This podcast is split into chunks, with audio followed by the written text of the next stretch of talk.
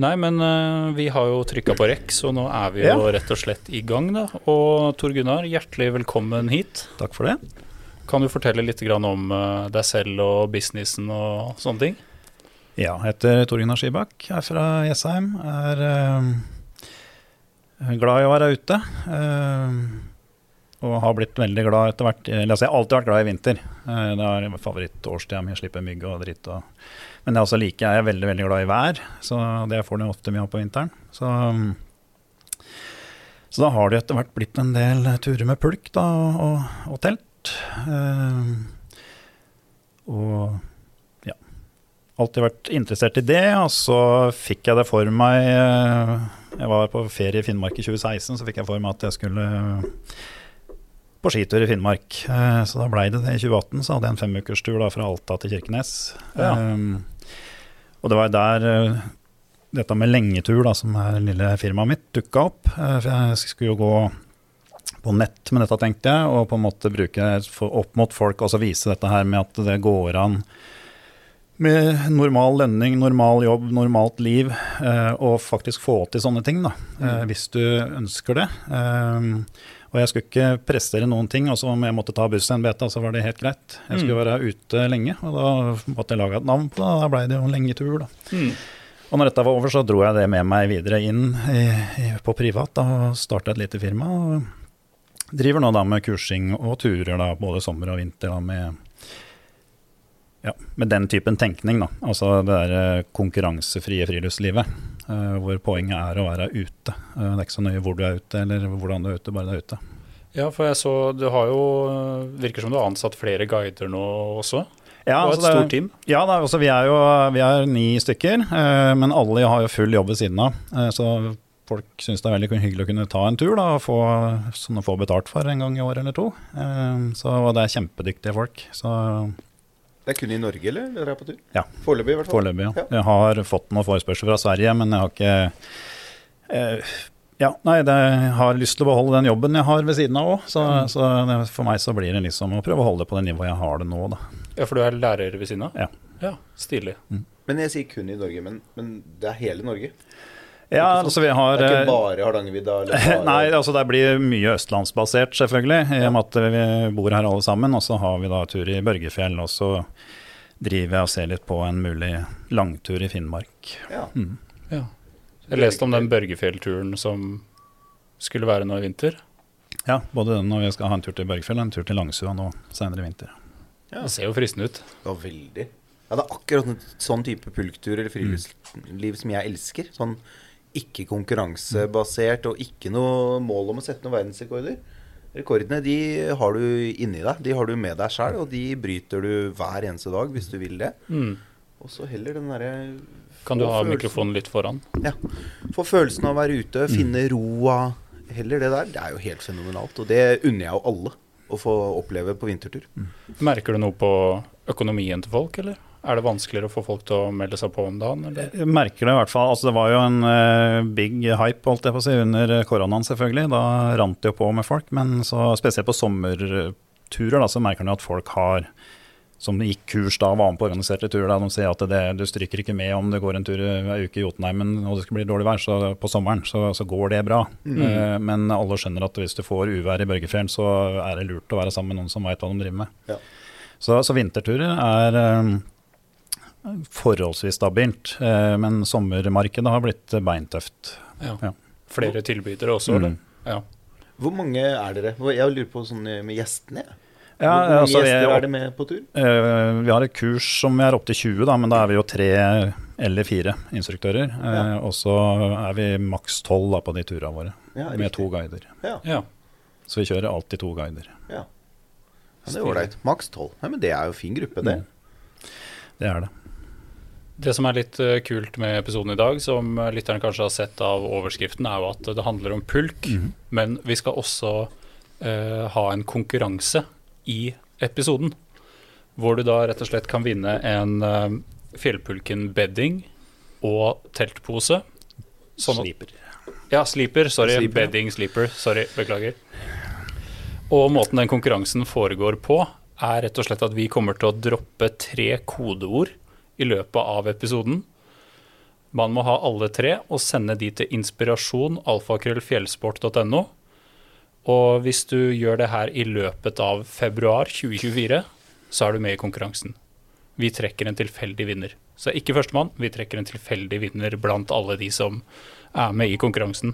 Spennende. Veldig. Veldig kult. Jeg har ikke vært borti at det har blitt gjort i en podkast før på den måten. Nei, ikke jeg heller. Jeg merker nå at jeg er veldig, jeg er veldig spent på når du plutselig skal kaste ut disse tre ordene. Ja. Det, jeg merker at jeg er litt sånn Jeg er litt på vakt her nå, merker jeg. Mot uh, at du plutselig skal si de. Den første kommer nå. Oh, ja. Det første kodeordet er pulkbag. Pulkbag. ja. Pulkbag. Det. Det er altså kodeord én av tre. Mm. Ja. Men eh, da går vi elegant over på temaet med pulk, da. Og eh, denne episoden blir jo ikke bare pulken, det blir eh, mye rundt. Kanskje det blir litt tips og triks og sånne ting. Men jeg har lyst til å starte med spørsmålet rett og slett Hva syns dere kjennetegner en god pulk? Spør du meg òg? Begge. Okay. Førstemann.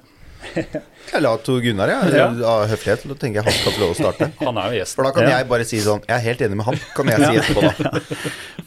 Enig med foran talte. Eh, nei, det er jo eh, en pulk som eh, glir godt, er lett å manøvrere, har tilstrekkelig volum til det du skal ha med deg på den turen du skal på. For det er jo stor forskjell på det om du skal på treukerstur eller om du skal på helgetur, eh, hvor stor pulk du trenger. Så går det jo på, på um, festesystemer i forhold til eh, om du skal ha da sånn sliper som du prata om i stad, på toppen f.eks. At du har lange nok reimer og solide nok reimer. Eh, god innfesting til, eh, til drag. Det er vel eh, i hovedsak eh, som jeg ville ha sett på, i hvert fall. Hva tenker du, Oskar? Ja, som sagt, jeg er helt enig med alt det han sa. Men det er en annen ting som jeg har eh, blitt veldig glad i med pulker, og det er eh, Jeg liker å ha pulker som passer til akkurat det formålet jeg skal ha det til. Da. Så jeg har begynt å bruke ganske korte pulker Å, til ja. mye ting. Eh, sånne 100 cm lange og veldig korte pulker. For de får jeg plass til inni bilen.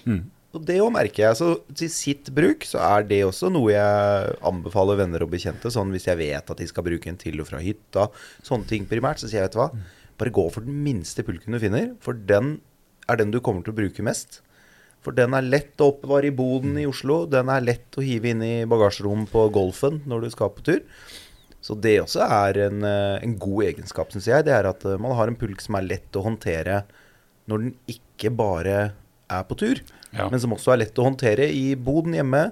Eh, som en, altså rett og slett mål at pulken passer i skiboksen. Det er ikke så dumt, det, altså. Nei, det er veldig eh, fint. Og, og for eksempel, da, hvis du har eh, barnepulk og unga har vokst ut av den, så får du jo kjøpt kit, så du kan skifte det og, og få, Ja, det. få varetrekk på den. da. Ja, Ja. helt suverent. Og da har du en 100 cm pulk som duger til veldig mye. Ja. Jeg merker jo det med sånn som jeg har varebil nå. Mm. Og det er jo utrolig deilig å sette en ferdiglasta pulk ja, ja. inni den, og så bare dra den ut, og så, og så er du på tur. Jeg må jo si, altså, Der må vi slå et slag for turfolk. Det er varebil, altså. Det, Ja. er, eh, det er virkelig fine greier. Ja. Ja. Særlig Toyota Land Cruiser 2015-modell. Oi, fantastisk bil. Fantastisk bil. Den blir man fornøyd med.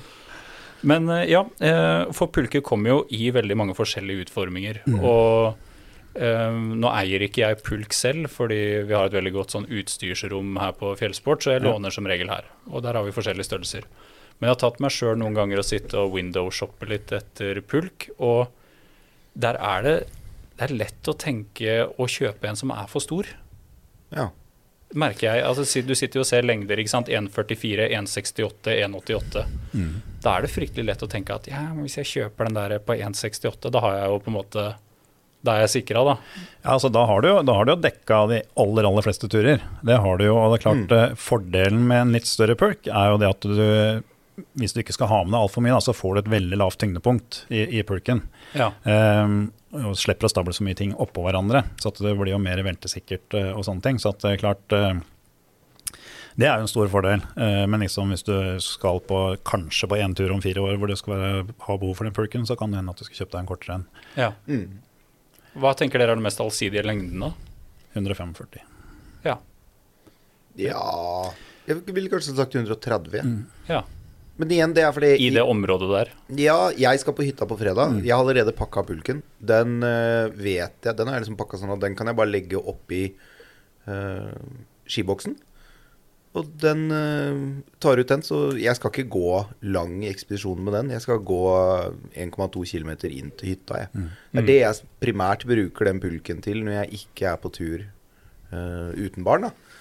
Og da mm, og da for min del så har jeg funnet ut at 1,30 holder plenty. Og så har jeg gått mye med lengre pulker òg. Men det er jo et veldig godt poeng det han har, det han sier med at uh, jo lengre pulk du har, jo lettere er det på en måte å få pakka alt lavt, da. Mm. Um, For velting er jo den store irritasjonen. Det er jo det er jo Innimellom så er det veldig greit at den er langt fra folk. eh, Når den Ja. får sånne terreng og kanskje har pakka pulken feil. Og, og jeg regner med at Vi skal sikkert snakke litt mer om det etterpå. Men eh, og får velt på velt på velt på velt, så tærer jo det greit på tålmodigheten. Det gjør jo det.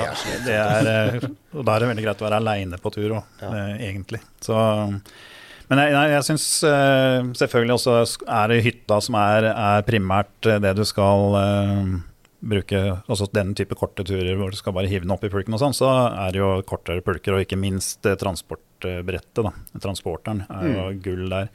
Eh, men For den er jeg veldig glad i. ja, det er jeg blitt òg. Så um, Men hvis du liksom skal ha en ja, opp til kanskje ei uke da, uh, tur, uh, hvis du er flink til å pakke, uh, og har lyst til å ha en, en sleeper på toppen og sånne ting, så er 145 veldig fin.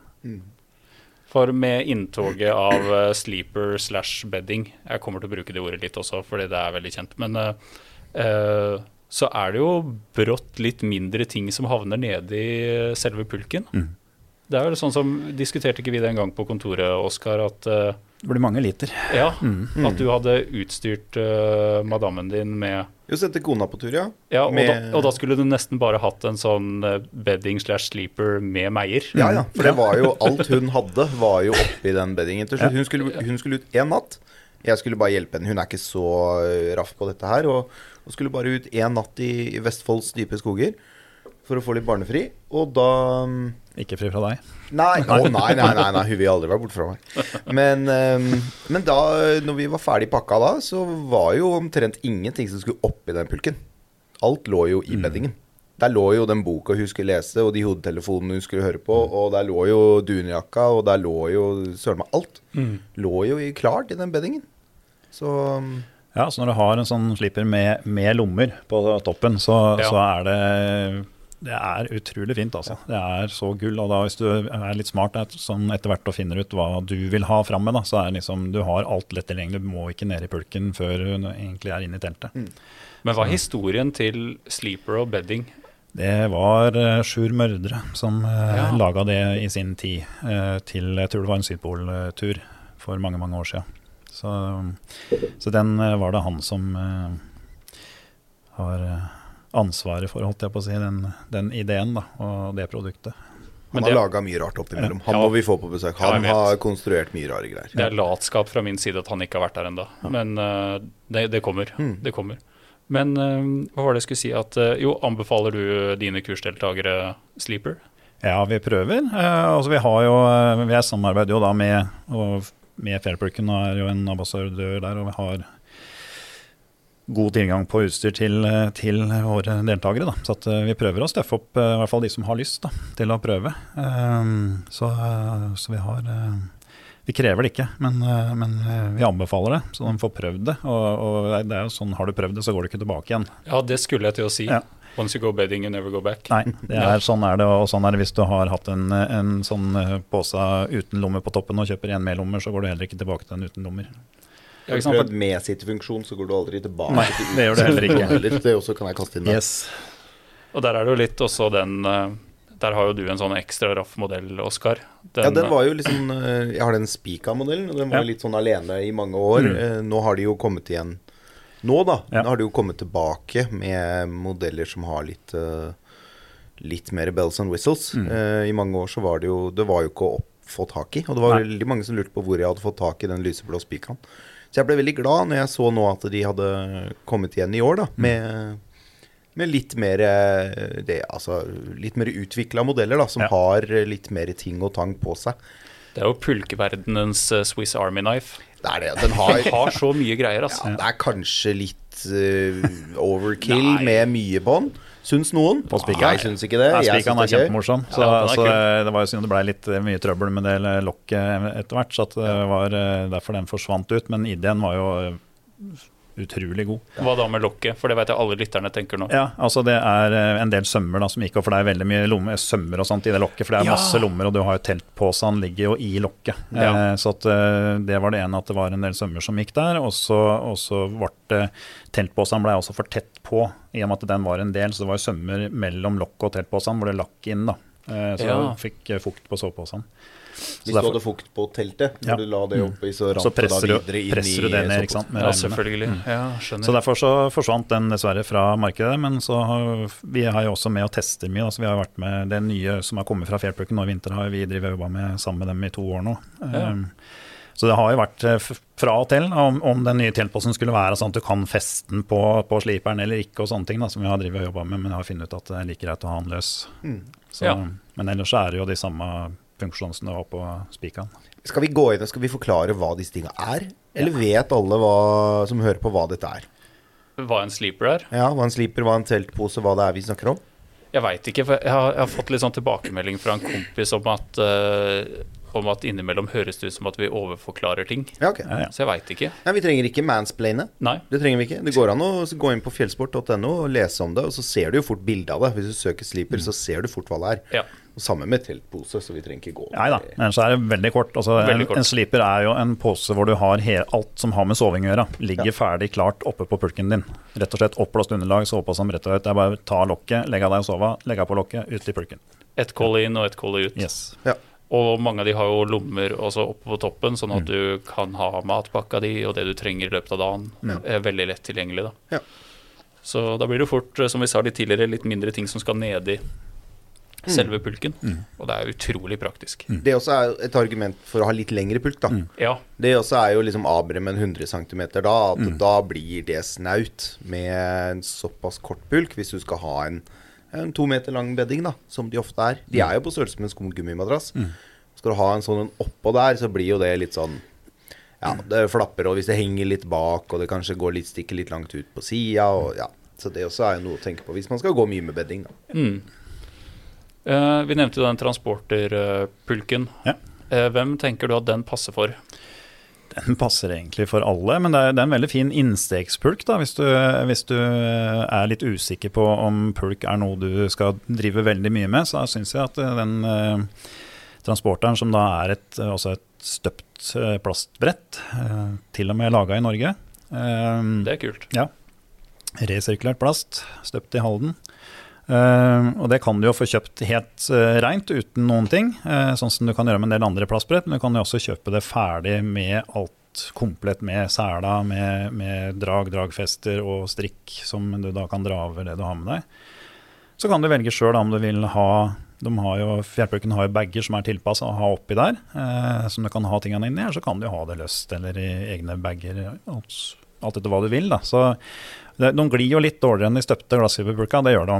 Eh, men samtidig så er de jo så solide at du kan gjøre alt. Jeg har jo min i bilen hele vinteren og bruker den på hytta og hiver vedsekker og bare pælmer oppi der og går over steiner og ja, ikke noe problem. Ja, for jeg har brukt den en del, og akkurat det du nevner der med at uh, du kommer til camp, og så laster du av det du skal, og så kan du fylle hele greia med, med ved og kvister og alt mulig og transportere det rundt. Jeg syns det er superpraktisk da, at uh, den er så robust og enkel. Mm. Merker den enkelheten er noe som frister veldig, da. Ja, så blir det sånn at det, du, den, den trenger du ikke å være forsiktig med. Eh, eh, og du blir automatisk mer forsiktig med en, en, eh, en penere glassfiberpulk mm. som også er, koster det dobbelt. Så blir du mer forsiktig òg. Og, og, og det er jo selvfølgelig bra. Men den transporteren trenger du ikke å være forsiktig med, for den tåler jo alt, egentlig, som du kan utsette den for på en tur. Du kan bruke den som akabrett med fire pers oppi, og det går så det dundrer. Mm. Så veldig anvendelig. Men nå, du nevnte jo det også med glid. Mm. Hvor viktig er det? Og det er eh, for de som i hvert fall har vært på, på tur og, og fått oppleve det som da Det var vel var det ikke Amundsen da, som kom med det begrepet fiskelim. Jo. Ja, også snø som da har vært veldig kald over lang tid. Ja. eh, som blir veldig grovkorna, og det blir eh, altså det er bedre glid i Sahara. Ja, det er, er egentlig det. Eh, Ja, tenk det. ja, Ja. altså det, det glir så borti natta dårlig at eh, og, Men du kan gå på et godt føre òg, og så har du fått eh, Ja, kanskje har eh, det vært mildt når du satte fra deg pulken om kvelden. Så er det bare én liten, liten istapp eh, under pulken din. Det er stor forskjell når du får bort den igjen i løpet av dagen. Det er, eh, så, så glid har veldig mye å si, det er ikke noe tvil om. Så, men men det, igjen, da. Altså, hva slags tur er det du skal på, hva slags bruk er det du skal ha det til. Ja, og hvordan skal du gå på ski? Yes. Skal du gå på langrenn med denne pulken, eller skal du stampe framover på en måte på truger? Så er det jo litt sånn. Det er jo litt forskjell da òg, da, Ja. tenker jeg. Ja. Hvor avhengig du er av den, den glien. Da. Kan man gjøre noe for å forbedre glien? Jeg har ikke gjort noe noen gang. Eh, Jeg har veit at det er noen som har prøvd å vokse og sånn, men da har de jo opplevd det at den de faktisk nesten suger seg mer nedpå på de riktige typene fører. Da. Eh, Så det eneste som eh, jeg passer på, det er jo hvis du skal være da, å få også langsgående riper er ikke noe problem. Eh, Men hvis du skulle få noe på tvers, eller at du får grove langsgående så at det blir stikkende ut noen fliser og sånt, da, fra lakken eller fra plasten på transporteren f.eks., så er det greit å få bort det. Ja. Bare pusse vekk med Bare- papir, da. Ja, eller ta kniven og så skjære helt inntil. Ja. Det er, um, Og så går det an å bytte meier. ja, på, på ikke, Ikke på, alle ikke modeller, men- Nei, på, på det som heter Explorer da i dag. Ja. Eh, De ekspedisjonspulka kan du bytte meier på. ja. Men ikke X-Country Nei. Nei, stemmer. Altså Det går jo an, men det er jo mye mer jobb. Det, for da må du ut med poppinger og alt som er på, på Explorer. Så er det bare å dra den plastskinna av og så tre på en ny en med en gang. Så det Ja. kan du gjøre på tur hvis du må det.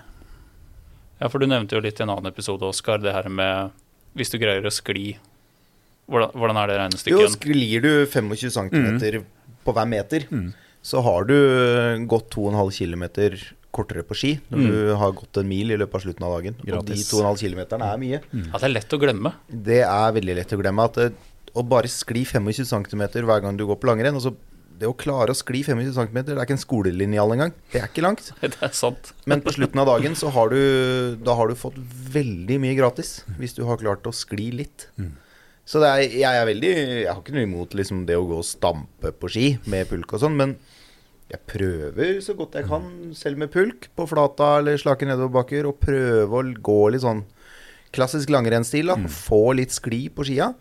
Og få med meg pulken, liksom. Den er jo sånn Jeg opplever i hvert fall at når du får, får pulken litt opp i fart, da, eller når du får den til å begynne å gli, så kan du nesten bruke den da til å hjelpe deg å holde farta litt oppe, sånn framover. Ja. Og da, hvis du gjør det en kilometer her eller der, så, så Det får du mye igjen for på slutten av dagen. Altså, da har du faktisk sklidd ganske mye. Ja, det er viktig. Så, og det merker du også da hvis det er dårlig glipp på pulken. Da, så du ikke får den sklia. Altså, du merker når du har tatt et skritt, så, så akkurat når du stopper, så stopper pulken. Ja, ikke sant? Den ikke sklir sant. ikke en centimeter på egen hånd. Eh, og da er du over på dette fiskelimgreiene. Da, da går det bakover, mer eller mindre. Men altså på vanlig tråd og snø på Østlandet her og sånn, så, så vil det jo være sånn at pulken ikke sklir når du, når du stopper opp, da, hvis det er gammel snø. Så, og det er krevende. Og mange går jo med, med pulkeskispor. Mm. Absolutt. Og da også er jo selvfølgelig glien er jo viktig å, å ha en pulk som eh, passer i skisporet, og som, eh, som er med deg da når du, du går på tur. Så det er jo kanskje et litt sånn hot topic eh, det neste her, da. Og det er jo lett å tenke liksom Cola mot Pepsi, Lamborghini mot uh, Ferrari, sånne ting. Det er steile fronter, og det er rett og slett stivt drag mot taudrag. Fordeler og ulemper. Så skal du ha ett drag, så er det stivt. Ok? Ja, for det, er, eh, det kan brukes til alt. eh, Og, i hvert fall hvis du ikke skal gå mye med pulk. Så, så, eh, og, og, fordi at å, å kjøre nedoverbakke f.eks. med taudrag, det krever en del trening for å gjøre det kontrollert og godt. Så, så i hvert fall i min verden så er det Hvis du liksom skal ut på en tur nå og da, så, så hadde jeg uten tvil valgt eh, stivt drag. Men det er klart det er store fordeler med tau, og det er f.eks. at det er mer behagelig. Det er mer Du har litt eh, svikt i, i tauet, og du har laga en en sånn fjøringsmekanisme på tauet, og, og, du er jo veldig mobil. da. Altså Hvis pulken hvelver f.eks., så er det jo kjempeenkelt når du har tau. Altså, det er bare går, du slipper å klikke deg løs og, og de tinga der. Mm. Eh, og, og, klart, skal du gå på en viddetur, altså Hardangervidda, Finnmarksvidda, sånne ting hvor det går mange mange kilometer i forholdsvis flatt og, og kontrollert tæring, så er det veldig behagelig med, med taudrag. Det er mm. det, det er ikke noe tvil om. Men mm. eh, jeg vil i hvert fall anbefale, hvis du skal ha ett drag, så er det stivt. Ja. Det, eh, jeg må innrømme at jeg er veldig glad i taudrag. Mm. Og jeg tror jeg, liksom har funnet min teknikk mm. nedover. Og det er rett og slett at jeg har tuppen av pulken inntil høyreleggen. Og så holder jeg Rett opp med tauet. Holder jeg rett opp med tauet. Eh, fordi jeg har ofte en sånn litt uforutsigbar labrador som løper foran. Mm. Og jeg syns jeg har så god kontroll. Mm. Når jeg liksom ploger litt forsiktig nedover der med den pulken, så føler jeg at uh, at jeg har stålkontroll. Mm. Mens jeg har faktisk litt negative erfaringer med stivt drag nedover. Ja, det er, så, det er en treningssak. Begge, mm. begge, er nok mm. treningssak, og jeg har mer trening med, med taudrag. Mm. Og så i hvert fall inntil videre så er det det jeg foretrekker. Mm. Hvordan er du der, Oskar? Taudrag ti av ti. Mm. Mener du det? Ja, ja, ja. Du er så bastant? Ja, ja. 100 Ok, ja, Forklar. Altså, det er nesten så jeg ikke anerkjenner Jo da. jo, nei, du, jeg Nå blir det kronikker her. Nå blir det kronikker. Nei, nei, nei. Du, jeg, jeg er veldig, veldig fan av taudrag og vil Hvis jeg eh, skal gå en tur Nå går jeg typisk Bardangervidda. Mm.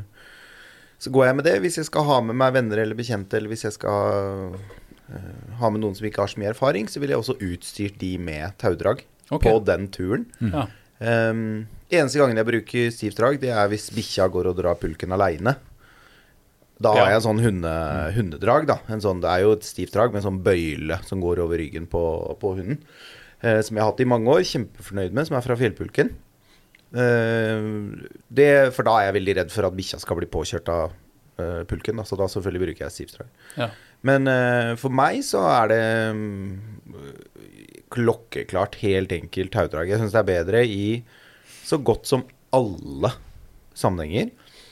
Men jeg har gitt opp å krangle med folk på DNT-hytter opp igjennom som mener at uh, stivt drag er bedre. Og så tenker jeg heller at det er altså Smaken er som baken. Den er todelt. Det, det er helt greit, det. Mm. Ja. Men uh, det er vel mer energieffektivt med stivt drag, er det ikke det? Og du mister mindre kraft. Det kommer jo selvfølgelig an på hvor mye svikt du har i tauet. Uh, ja. så, så, uh, og det du også på en måte slipper da med, med, med med taudrag er jo den der støtinga som du ofte får, spesielt hvis du går i scooterspor f.eks. Så har scootera kjørt opp eh, kaller det scooterpukler. Altså det blir samme som vaskebrett på meg, da. Mm. Men de blir jo mye større, og de har en tendens til å være sånn akkurat passe avstand mellom dem. Så at når du da har gått over én med skia dine og er på vei opp den neste, ja. da kommer pulken ned den som er bak deg, og så kommer det en sånn bang inn i ryggen på deg, så får du den der uh, jokkebevegelsen fram og tilbake. da. Uh, den slipper du jo med, med taudrag f.eks. Det er som sånne gamle tilhengere som har den der fjæringa i, i draget. Ja, ja, ja. Så bremser, og så går det to sekunder, og så dunk! ja. ja, men det er sånn, du må være forberedt på at den kommer, ikke sant. Så, det, er, uh, så, så det er helt klart fordeler. Det, det tenker jeg at det er med begge. Jeg syns du har mer kontroll på pulken med, med stivdrag. I hvert fall opplever vi med de som er nybegynnere og sånt, at, de, at de, har det. det, det men dette er det er jo ikke noe, Ingen av delene er noe stor kostnad, så det går an å, å, for de som har lyst, så er det bare å prøve seg fram. Det, ja, det, er jo det jeg mm. sier til folk. Det er kanskje det viktigste. Altså Hvis mm. du har et stivt drag ja. Det er jo ikke noe, altså Tau, det kan du få. Det er, ikke noe, det er ikke så vanskelig å få tak i et par meter med tau. Nei, nei, nei. Og du, her kan du bruke omtrent hva som helst. Altså, ja. det, det er, du, du, skal ikke dra tusenvis av kilo. Um, så her kan du bruke all Og det fins jo utrolig mange forskjellige måter. Mm. Og hvis du går inn på nett, så er jo sånn Mammaforum er jo fullt av forskjellige løsninger. Og folk har de verdens beste ideer, og folk har brukt massevis av penger eller ja, masse rare ideer på hvordan disse taudraga skal gjøres enklest mulig og best mulig. Og folk sverger til det ene eller det andre. Så jeg tenker at hvis du går med stivt drag, så går det an å ha med seg tre meter tau i pulken. da Og så går det an å bytte. På mm. dag fire så kan du gå med taudrag, mm. og så dag fem kan du gå tilbake til stivt drag òg. For å få litt variasjon for deg sjæl, eller Altså, det tauet bør du jo liksom ha med i pulken uansett, tenker jeg, da. Så Ja, det kan du bruke som bremsetau òg, f.eks. Hvis du kjører eh, krappe nedoverbakker og hardt føre. Og, Ja, for det må jeg innrømme, det har jeg også på mitt taudrag. Så har jeg en sånn knute Eller nei, ikke knute, sorry. Eh, en karabinkrok som på en måte automatisk legger seg under mm. eh, pulken i nedoverbakker og, og bremser litt. da. Funker Ja. overraskende Ja, og det altså. er, ikke, det er som vi pratet om i stad, altså det er ikke rare greiene som skal til før det bremser mye. Eh, og hvis du har, slipper et, et tynt tau nedover med en- med en tre-fire knuter på, så står jo pulken nesten stille hvis det er litt hardt underlag. Mm. Så, men det, så det var noen som hadde med på en tur vi var på, så, så var det noen som hadde med sånn gammeldags ballnett, sånn grønt eh, ballnett. Ja. det funka som tusen. Oh, ja. Ja, bare vippa det, lå, festa det foran på pulken og hadde det liggende der når bakken kom. Bare vippa det under, og det funka som tusen. Ikke dumt. Nei, det var, Ja, det var veldig smart. Ja, altså sånn uh, som det er på barneskolen, som alle ja, ja. stikkballene Ja. ligger oppi, liksom? Ja. ja. Smart. Ja. Ja, det var jo Ja, det var ikke dumt. Og det er jo slitesterkt og, og solid òg. Mm. For det kan du da ha på begge. Det gjelder jo både stivt drag Ja, ja, ja. og løst drag. Mm. Det er ikke noe sånn at det bare fungerer på den ene. Den uh, vil jo da hjelpe uh, med å bremse pulken da, i nedoverbakken, Ja. uansett hva slags drag du har. Mm. Jeg tror vi dropper neste kodeord. jeg. Bakglatt. Bakglatt er kodeord nummer to. Så eh, det her er alltid litt spent på når vi ber eh, kunder om å bidra, men eh, nå det tar seg opp veldig, altså. Mm. På, vi får mye respons på podkasten om dagen. Det er bra. Så bra. Eh, du, du, du, du, du. Ja, er, føler du at vi er i mål, eller? På stivt drag og tau... Jo, jeg har et spørsmål. Hvem eller hvilke foretrekker dere i skrått terreng? Er det noen klare vinnere der? Kommer an på hvor skrått, tenker jeg. For at hvis det er litt skrått, så syns jeg at da kan jeg bare stå også hvis det er skrått nedover, da. Eller skal jeg kjøre slakt nedover og skrått, så kan jeg bruke det stive draget til også å vri det, eh, Ja. sånn at jeg presser pulken opp. Og du Men- holder på det med Yes, hendene, rett og slett? ja, og så bare vrir jeg det, og så presser jeg, presser jeg den som er oppover i hellinga ned, og trekker den som er nedover opp, Mm. uh, for å hjelpe pulken.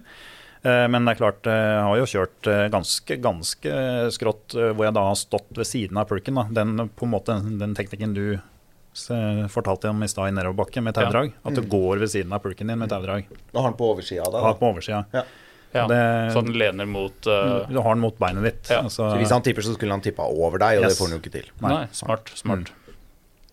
Så bra. Uh, og så lurer jeg på en, Kall det en gjennomsnittlig godt trent person. Hvor tung pulk greier man liksom å dra på en helgetur eller en ukestur? Ja, Hvor er du skal hen, da? ja, det kommer veldig an på terrenget og Skal du krysse Jotunheimen Ja, eller er- Hardangervidda? Jeg vil si høyfjell eh, relativt uh, kupert. Når, når er det, Nordfjell? ja, for eksempel. Når er det det liksom Det jeg kanskje er ute etter, er når er det det liksom føles helt umulig? For jeg tenker mange har jo et forhold til liksom en sekk på 25 kilo, Mm. men jeg tror kanskje ikke alle har et forhold til en pulk som er eh, 30 eller eh, 50 eller 70. Hva er deres erfaringer der?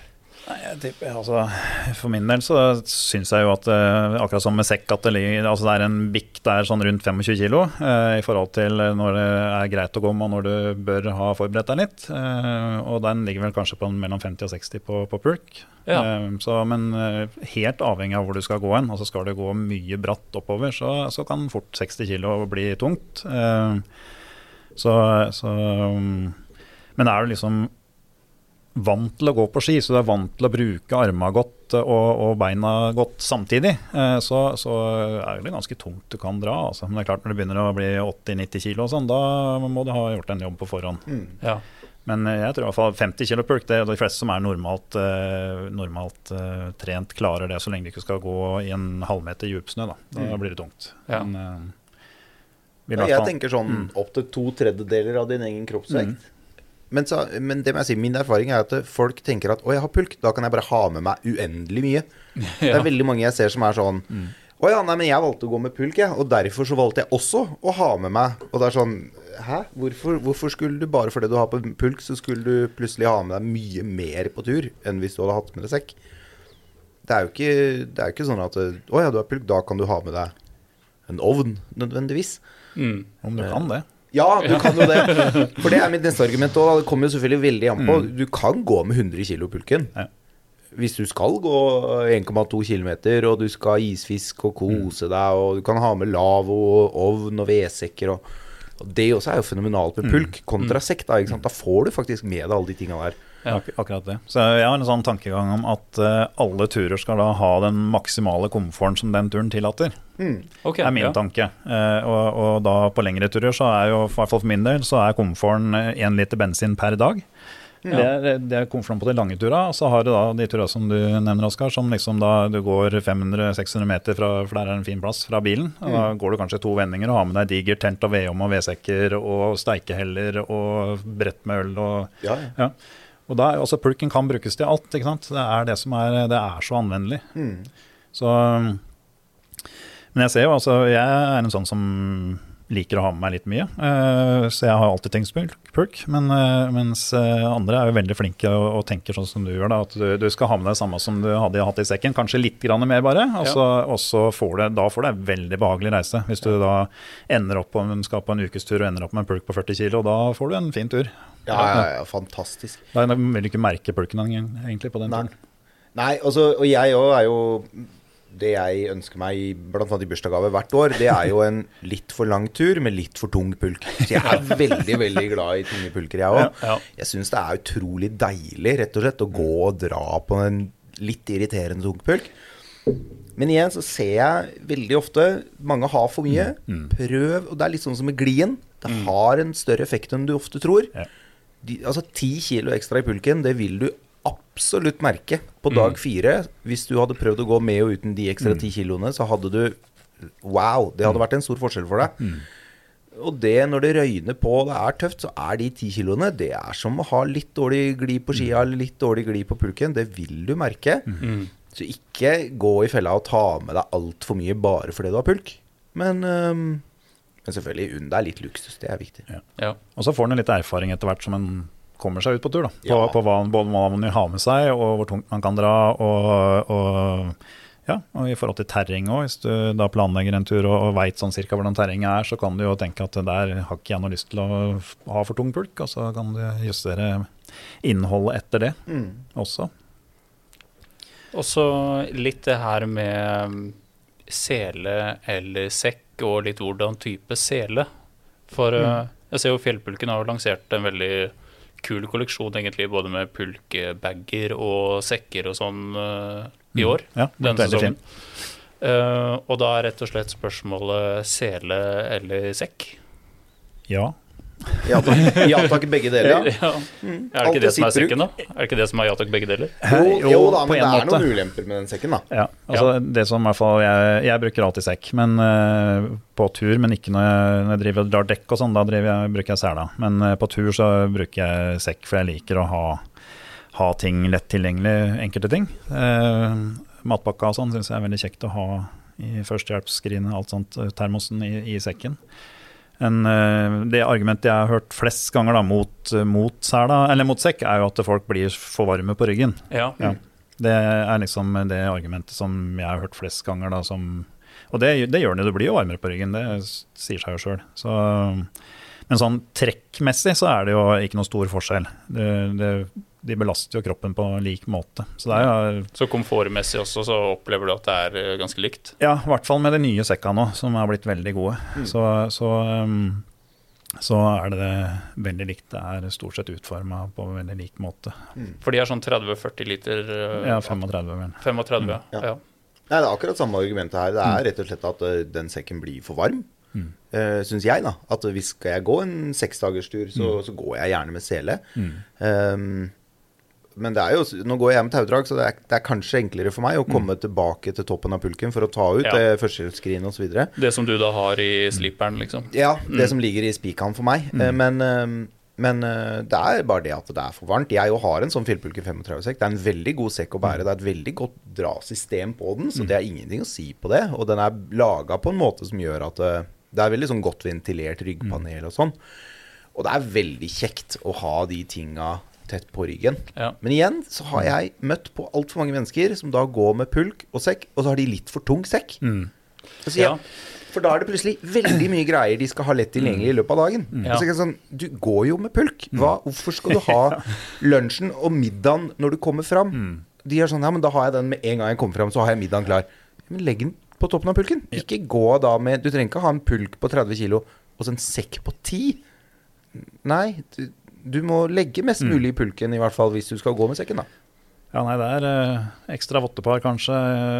Matpakka, termosen og drikkeflaska. Det er liksom det som eh, Ikke overdrive alt du på død og liv skal ha i Nei, nei, sekken. nei, men det er veldig fort gjort. Det er, det er det plass, så dytter vi noe nedi. Ja. Det, er, det er jo sånn det er. Og det er, det er det fine når de nye sekka er smalere og tightere og, og er litt mindre. Så at det, du, får, egentlig- du får plass til mindre i sekken, da, men du får absolutt plass til det du trenger. Ja.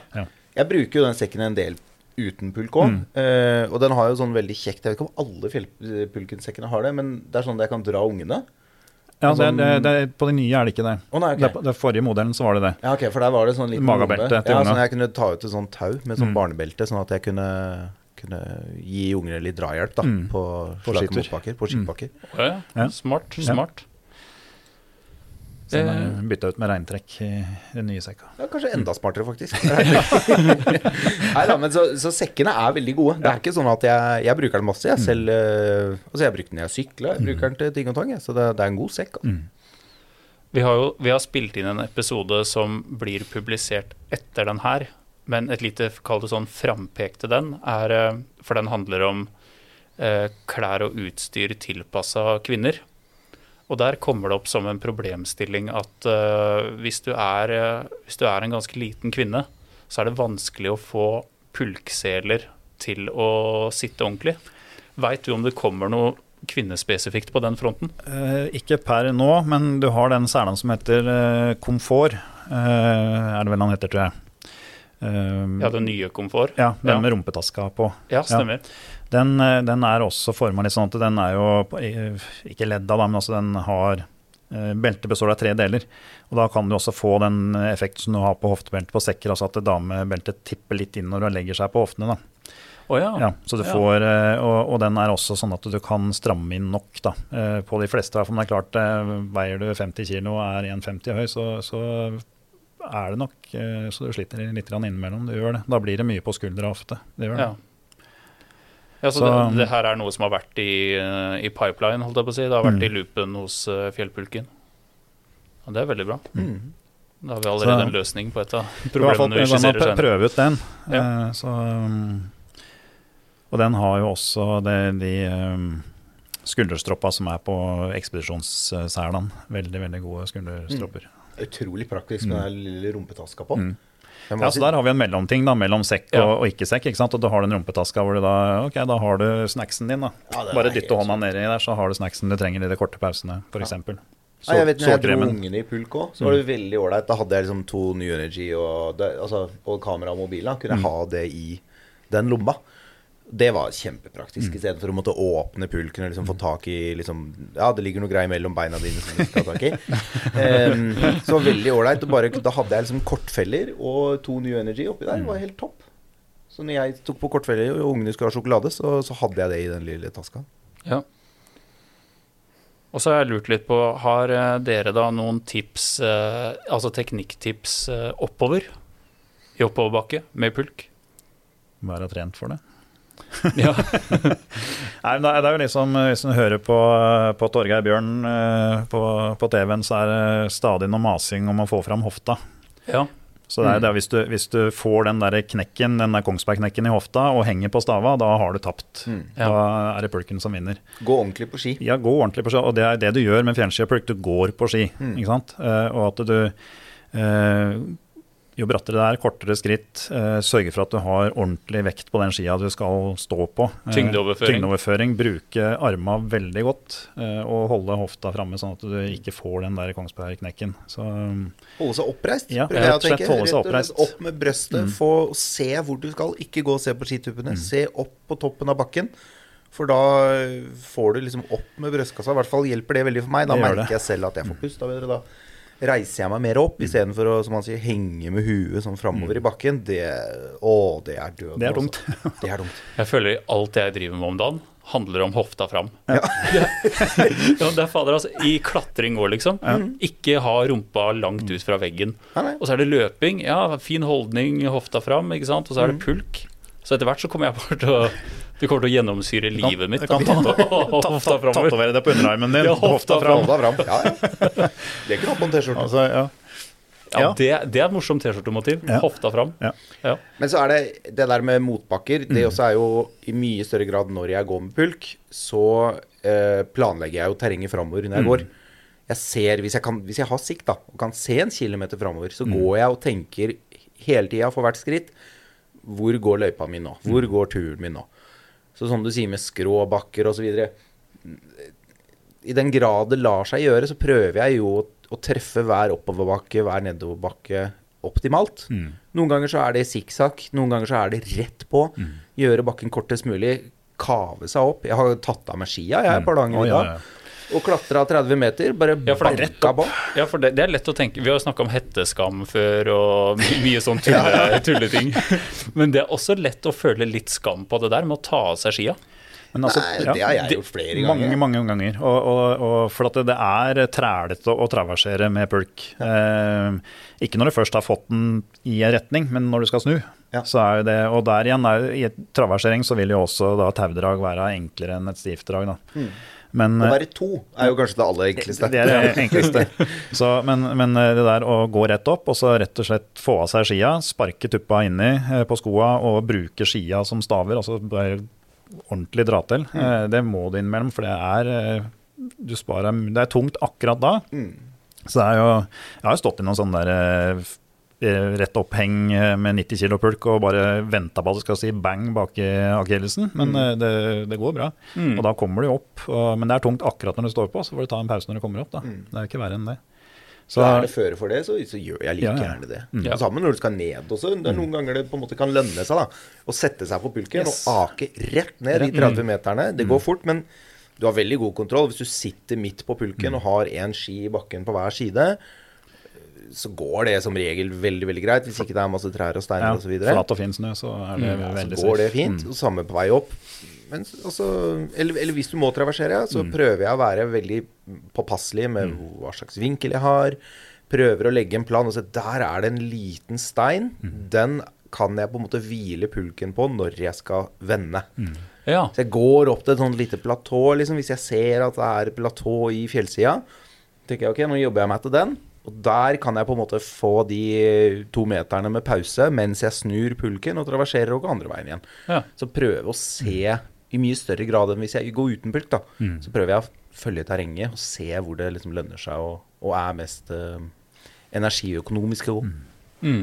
Men det er utrolig hvor bratt du kan gå med fjernski og fell, til og med kortfell. Hvis det er fast føre, så er det utrolig hvor bratt du kan gå hvis du bare er nøye på å ikke gå for lange skritt og få tyngden over på den skia du skal gå ifra på. Så, så er, det- men eh, på et tidspunkt så vil det jo være lettere å men der har du jo også, da, eh, sånn som dere har prata om en gang tidligere, den nye Explore-bindingen som har hælløfter. Ja. Det er jo eh, helt vanvittig forskjell når du skal gå bratte bakker med pulk. Ja, apropos ryke akillesen, ja. Det er uh... Og da kan du gå mye brattere bakker og uten å ta av deg skia når du får den 5 cm løften på hælen. Mm. Ja, så får du mer trykk ned i skia, og det gjør også at fellene sitter mye bedre. For det også er en greie når du legger deg frampå, så tar du trykket ut av skia, og da, da sitter jo ikke fellene lenger heller. Nei. Så å ha godt feste på fellene, det handler også mye om teknikk, altså for hvordan det går oppover bakken. Ja. Det høres ut som man kan få veldig mye igjen på pulkturen for å eh, Nei, med å investere i vanlig langrennsteknikk. Ja, absolutt. Der er det jo samme enten det er klassisk eller skøyting. Det er jo den der tyngdeoverføringa og hofta fram igjen, da, som er alt. Ja. Så det må også være et tips, da. Ja. Gå tren vanlig langrennsteknikk på langrennsski. Ja, ja, ja, absolutt. Men jeg lurer på det der fotballnettet du snakka om, da. Ja. Kunne du hengt det bak på pulken, da? Til. Altså Hvis du hadde det bak på pulken, sånn at når du gikk, når du da tar en pause, Ja. så sklir pulken bakover. Ja, sånn, ja. Hvis du er på vei oppover, ja. Det For kan det er jo det der aberet mange har. da At du går eh, oppover, og så skal du stoppe og ta deg en pause. Og det er klart, da står jo den pulken og drar og drar og drar i deg, for den vil jo bare ned igjen. Ja, for det, det, har, det har jeg skrevet opp. Liksom, finnes det ikke noen løsninger i oppoverbakke, sånn eh, at det nesten detter ned en klaff eh, Ja. som på en måte bremser Det, det, Det, ville jo vært en sånn fotballnett, da. Hvis du, Ja, hvis du gikk og dro an. det bak deg, liksom. Det kunne jo bare ligge oppå snøen. Hvis, du, hvis det dro etter pulken, og da når du slapp pulken 30 cm tilbake da, så vil pulken legge seg oppå det tauet med knuter eller det fotballnettet eller noe sånt, så vil jo det bremse pulken litt da. Så skal du gå en veldig Skal du på kirketaket, liksom, skal du på topptur, Ja. Norges lengste topptur med pulk, så ville jeg kanskje tenkt på noen sånne løsninger. Mm. Er det i Isfjorden? Er det ikke det? Mm. Jo, jeg mener jeg gikk på folkeskole med en uh, kamerat derfra. Så, det, ja, så det er det. Ellers så det, det går jo an å skråstille pulken litt nå, nå, uh, så sant det ikke er for bratt. Ellers så ja, du kan rett og slett legge pulken på sida også. Mm. Men eh, det er jo veldig enkelt det du foreslår, med et eller annet som du bare kan vippe under den. Nei, jeg har ikke testa det. Nei, Bare det tror det, det det, blir, det blir nok test på Ja. det. Ja. Herregud, vi finner jo på nye ting her òg. Ja. Sånn er det. Eh, er det noe man ikke ofte, kanskje, men er det noe sånn feltreparasjoner som eh, på pulk eh, eller drag som det er viktig å kanskje ha forberedt seg på? Det eneste jeg har vært borti, er eh, at uh, han er litt uforsiktig, f.eks. Eller parkerer pulken da, ved, ved teltet, og så driver og flyr litt rundt der, og så er det kanskje noe løssnø, så, så du må drive og ha skia på deg når du setter, på telt, setter opp teltet og sånn. Og så trår du på, på klipsa på reimene, og så ryker dem. Mm. Ja. Så, så det å ha med seg eh, riktige klips, et par stykker, eh, til reimene, det er lurt. For de er sånn du kan tre av og på. Det trer er du ikke bare sånn på. at du trenger ikke å sy Nei. de på ute i felt. Så Det- det, det trenger du ikke. går det an å ha noe i Ja, så det er, er tenkt akkurat for at det skal kunne være mulig å gjøre feltreparasjoner. Og det får du kjøpt mange steder. Og Fjellplukken har jo egne sett med sans på som du kan få kjøpt. Um, ja, for det er ganske bra den uh, Fjellpulken nettbutikken for reservedeler. Ja. Altså vi har jo noe vi også, Ja, ja. men på en måte hovedbiblioteket er vel på Fjellpulkens nettsider. da. Mm. Så, så det er jo det å um, på, på veldig langt altså Min tanke er når jeg er på lengre tur, så skal jeg gjøre alt jeg kan for å ikke belaste samfunnet rundt meg. eh, på en måte, Så at jeg skal kunne klare å Og, og så sant jeg ikke detter og brekker bein og er aleine, så skal jeg på en måte klare å fikse meg sjøl ut. Eh, så jeg, da har jeg med f.eks. Eh, krok, altså festet i drag og sånne ting, og skruer til det.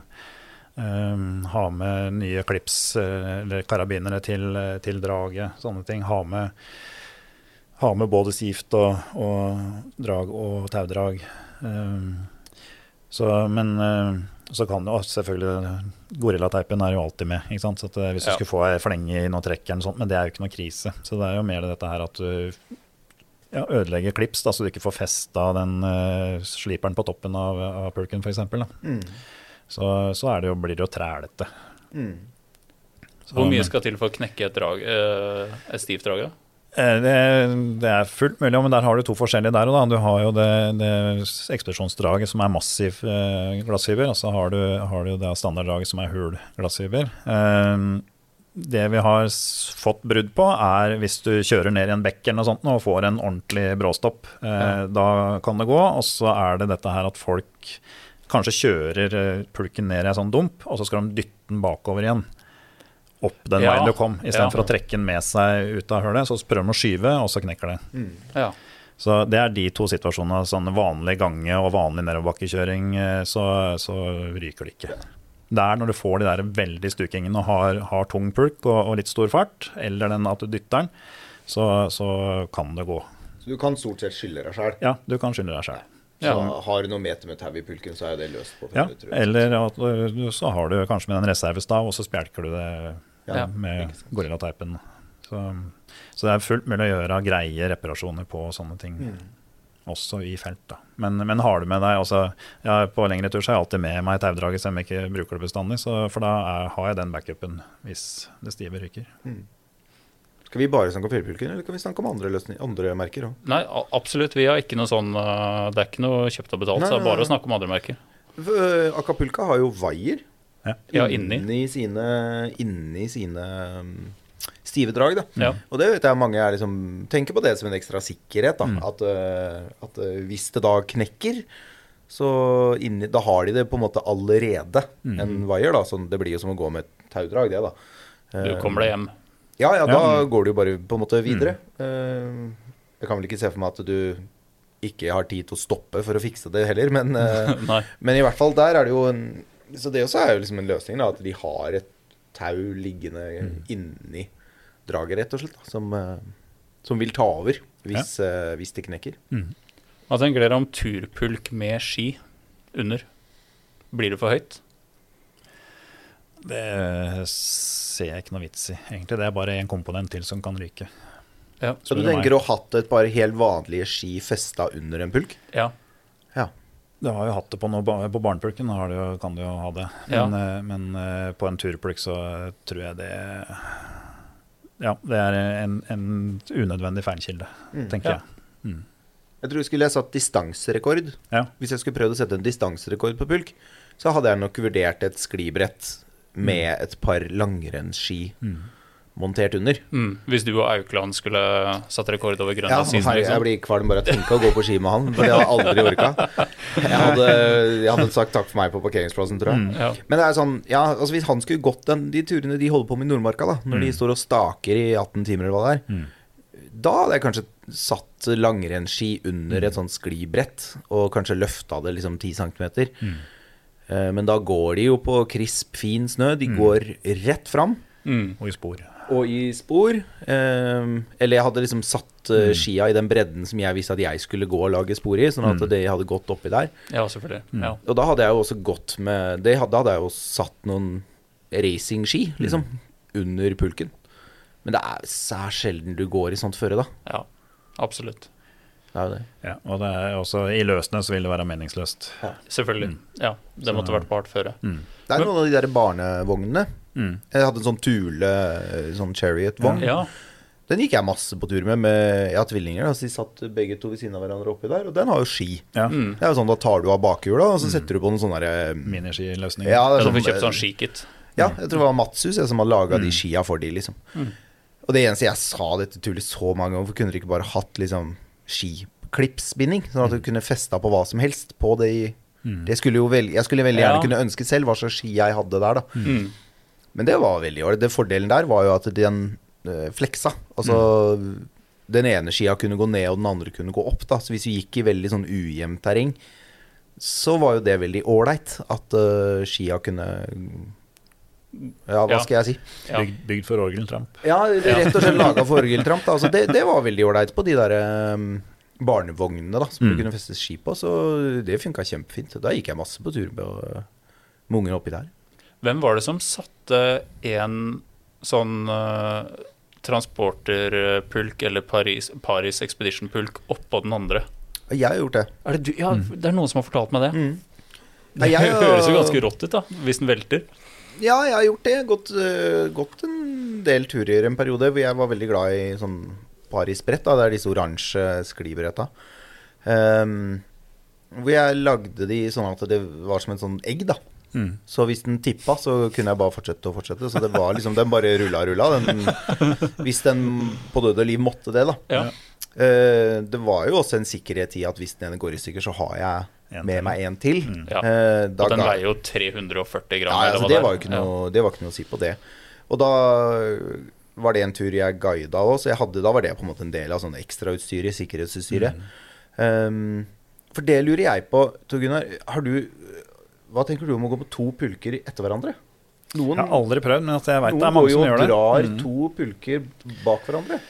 Eh, Kanskje mest populært med sånn sklibrett og sånn. Mm. At du har liksom Istedenfor å ha én som er 50 cm høy, så Mm. har du heller to stykker hengende etter hverandre. Det var Børge Ausland gjorde det på den ene ekspedisjonen. Mm. Han mente tenker- at de fikk litt hjelp av hverandre opp og Ja, jeg tenker det sånn eh, i, skruis og sånn, så må jo det være veldig kjekt, tenker Mm. jeg da. I hvert fall hvis det er solid den forankringa imellom. Ja, Eh, og hvis du at, finner riktig lengde mellom de, sånn at det, så det ikke blir bare trær. Ja. Men, og, og det er klart at du får jo, du får jo mindre marktrykk da, på, når du har to pulker å fordele det på. Mm. Så, så, men jeg har aldri prøvd, så jeg, det er bare gjetting. Men uh, i hvert fall du får mindre marktrykk, og da, da skal du i utgangspunktet gli lettere. Ja. Mm. Nei, for jeg, så jeg prøvde det på én tur jeg gikk på, i hvert fall. Um, og da hadde jeg alt av bensin og liksom Mm. skitten ting. Da hadde jeg i den ene, og så passa jeg på alt av mat osv. i den andre, da. Mm. Ikke det at jeg sølte noe bensin, men da hadde jeg plutselig ansvaret medansvaret da, for en hel gjeng med andre mennesker òg, så da var det litt sånn en tanke at vi skulle være litt ekstra forsiktige med det. Mm. Um, så det jo er mulig, da. Å gå med to pulker liksom hengende bak hverandre istedenfor å ha én som er overlasta eller ja, eller altfor, altfor tung, da. Mm. Men ja, som sagt, jeg festa to pulker opp hverandre, og det Ja. var um, Men nedover må det vel være en ulempe? Hva da med to pulker? Ja. Ja, det var ikke noen fordel. Nei. Nei. Men, eh, men det å ha én pulk oppå hverandre, det husker jeg jeg pitcha inn til Paris og var sånn Hvorfor er ikke dette et konsept? Hvorfor har dere ikke tenkt på det? Å lage rett og slett et lokk? Mm. At det går an å sette disse to sammen. For jeg blei ble veldig glad i det. Ja, for da brukte du bare de maljehulla, ikke sant? Og så Ja. surra der? Eller? Ja, jeg bora og styra. Jeg er jo glad i å Ja, sitte og ordne med ting og tang. da. Så jeg bora og styra og fiksa mye ting og tang. Alt og- skal bli kunst og håndverk med deg, liksom? Ja, ja. Det er jo, modding av utstyr er jo bare halve moroa, minst. Det er litt av moroa, det. Ja. Herregud. Men um, nå ga du meg en litt sånn fin overgang da, til det neste jeg skal spørre om, som er lasting av pulk. Mm. Kan vi gå gjennom det grunnleggende der? Ja. Det er jo, det er jo forholdsvis enkel fysikk, det. Det er eh, tyngst ned i pulken og så langt bak som mulig. Det er jo den enkle fysikken i det. For det er jo et helvete, rett og slett, å gå med en feillasta pulk. eh, enten om du har tyngden for langt fram, eller om du har tyngden for høyt. eh, så blir det jo Og hvis du har klart å gjort begge deler, så er du virkelig ute å kjøre. Så, og det er enorm forskjell på dette her med om du har tyngdepunktet i bakre halvdel enn, eller fremre halvdel. Mm. Det, spesielt hvis det går i løsene, så er det Ja. egna til å ta livet av seg mer eller mindre, hvis du har den lasta tungt fram. For da borer den seg bare ned. Så han skal i utgangspunktet være ganske lett i nesa, så at han løfter seg lett. Da. Men samtidig så må jeg Jeg prøvde nå febrilsk å komme på et annet bilde enn en kasse med øl, men jeg, det var det eneste jeg kom på. Men se for deg hvis du har en 1,40 lang pulk, Mm. så hadde jeg ikke satt en kasse med, pulk, med ølen helt bakerst. Hvis, hvis det var det Mm. eneste jeg skulle hatt med meg, så setter jeg det ikke lengst bak. Jeg setter den litt bak midten. To, Ja. tre, to tredeler, Ja, cirka. for det også er greia. Du kan, du det blir jo som en båt. Ikke sant? Du kan ikke ha alle helt bakerst, for da går jo bare båten liksom og Da planer styrer den oppover. jo ikke noe. Mm. Nei, men du kan jo heller ikke ha alt mulig foran. Men Nei. hvis du skulle velge, så vil du ha litt mer bak, selvfølgelig, enn foran. Men du kan jo ikke ta alt det tunge du har og stable oppå hverandre de bakerste ti centimeterne. Du Begynn bakerst, og så jobb deg liksom framover med lettere og lettere ting, da. Ja. Så får du en fin balanse på det. Det er sånn triks eh, Det gjør jeg også med den bagen jeg har inne. Så legger jeg også det tunge som er i bagen, legger jeg også i den ene enden av bagen og setter den bakerst. Eller i pulken. da Så at du har en vektfordeling i den bagen du skal ha med deg inn i teltet òg. Ja. Så, og så er det dette her Det er selvfølgelig litt ulempe da med det moderne nå med, med da slipere, beddinger på toppen og teltet rulla på toppen der igjen, så får du et høyere tyngdepunkt på teltet. Spesielt hvis du har et klissbløtt telt og, og sånt, så får du et høyere tyngdepunkt og mer veltefare, da. Det får du jo, men samtidig så er jo det jeg syns jo det funksjonaliteten eh, oppveier det mange ganger. ja, ja. Mm. Men du kan jo fint legge teltposen under beddingen òg. Det kan du. Det også er jo en mulighet. Du nevnte jo litt det her med fuel og sånn. Hvor er det dere Eller hvordan organiserer dere det i pulken? Jeg bruker uh, sånne femliters uh, reservebensinkanner. Uh, og så har jeg dem i, uh, i en skikkelig sånn gummihjert pakkepose. da. Sånn ordentlig regnuhyre, så det får ikke lekke noe. da. Også, Ja. Hvor har du fått tak i de posene? Eh, det var på noe sånn forsvarsutsalggreier et eller annet sted. Ja. Mm. Så um, Men jeg, vet, jeg har sett det i noen sportsbutikker og sånt òg. Så, så det er jo en pakksekk, bare at den er ordentlig gummihjert. Så um, Jeg tror Ortlieb lager noen sånne Ja. pakksekker som er sånn mm. Altså, ja, det er ikke noen sånn superlight-greier, da. men Nei. skikkelig, og det tåler jo kulde òg. det tåler Ja. kulde òg. Du kan Det bruke er- det som gullfisktank, liksom. Ja, ja, ja. Ikke noe problem. Mm. Det er litt dårlig innsyn. ja, det er mørkt nedi der. Nei, så der har jeg bensin og så er det jo litt sånn, så man jo underveis på turen, da, så, så, så kan jo også når bensinkanna begynner å bli tyngre, så er det ikke sikkert at den skal stå bakerst lenger. Da kan det at du skal flytte den litt lenger framover. Ja. Men helt til det som du nevnte i stad, å holde, holde flytende drivstoff og mat eh, adskilt. Hvis ikke så kan det bli en trå tur, hvis du klarer å få blanda de to. Ja, Ja, og sovepose og alt det er. Men det gjelder jo alt. Du vil jo, du vil jo generelt ikke ha noe gris. Du vil ikke ha søling. Jeg vil ikke ha jeg vil ikke ha real kebab-rester på soveposen min heller. Nei. og jeg vil heller ikke ha bensinlukt på vottene. Så det handler om å prøve å, å holde det fra hverandre. Og marerittet, selvfølgelig, det er jo et par dråper med bensin i potetmosen. For da, da veit jeg ikke om det finnes nok dopapir i verden for å redde den løsninga der. Da blir du god venn med det, og så blir du, har du forhåpentligvis med deg noe Imodium komp, så du får berga situasjonen etter hvert. Og så har du aldri lyst på potetmos igjen. Nei. Så det er jo det det Og så er det jo Sånn ellers i pulken, da, Jeg er veldig glad i pakksekker og, og, og bager. Eh, det er jo en del som er veldig glad i, i bokser, og så bruker eh, sånne plastkasser. Eh, jeg syns det, det blir for mye luft i pulken, syns jeg. da. Ja. For det, Uansett hvor full du stapper den, så vil det bli luft rundt den boksen. Og så bruker du kanskje opp det som er i boksen, da, og så blir det bare volum som du ikke bruker til noen ting. Ja. Så, men det er mange som er veldig veldig glad i det. Så mm. skal jo ikke eh, Jeg håper jo at folk som hører på dette her nå, eh, også hører at det, det er lite fasiter. Vi, er mye, Ja, ja. Vi, vi er prøver å hive fram masse forskjellige Ja, ja, ja. synspunkter. ikke? Og så må folk finne sin Så jeg håper vi at folk kan få eh, mye tips her, og mm. at eh, de kan skape sitt eget ut ifra det. Så, så det, er, det er jo ikke noe sånn feil å gjøre det, men jeg syns personlig at det blir altfor mye luft Mm. i pulken når du gjør det. Da har du pakksekker, så det stapper du bare rundt og, og klemmer inntil hverandre og ordner. Så, Men har du selvfølgelig noe som ikke kan knuses, f.eks., da, så det er mange som velger å ha brenneren for eksempel, i, i en plastboks Mm. for å være helt sikker på at ikke den blir ødelagt. Og det kan jo være en god greie. Ja, jeg har det. Jeg har Mm. den i en sånn egen liten kasse. Men det er på en måte et sånt eget system jeg har Mm. laga. Så den er jo da Det er liksom hele kjøkkenet mitt. da Yes. Så når jeg tar opp den kassa, så Eller tar av det lokket, så sitter liksom brenneren Mm. oppi den kassa, og der er det da liksom en brennerplate, selvfølgelig, Mm. den er festa på. Uh, flaska er jo allerede skrudd fast. Alt er på en måte fast og fast her. Og inn oppi den bitte lille boksen, den er ikke høy, altså den er eh, 15 cm høy, tenker jeg. Sånn at akkurat brenneren får plass oppi der. Um, og brenneren er jo da ferdig utslått hele tida. Og der ligger det tennstålet, der ligger liksom alle Der ligger reparasjonskittet, der ligger alt som hører brenneren til, for min del.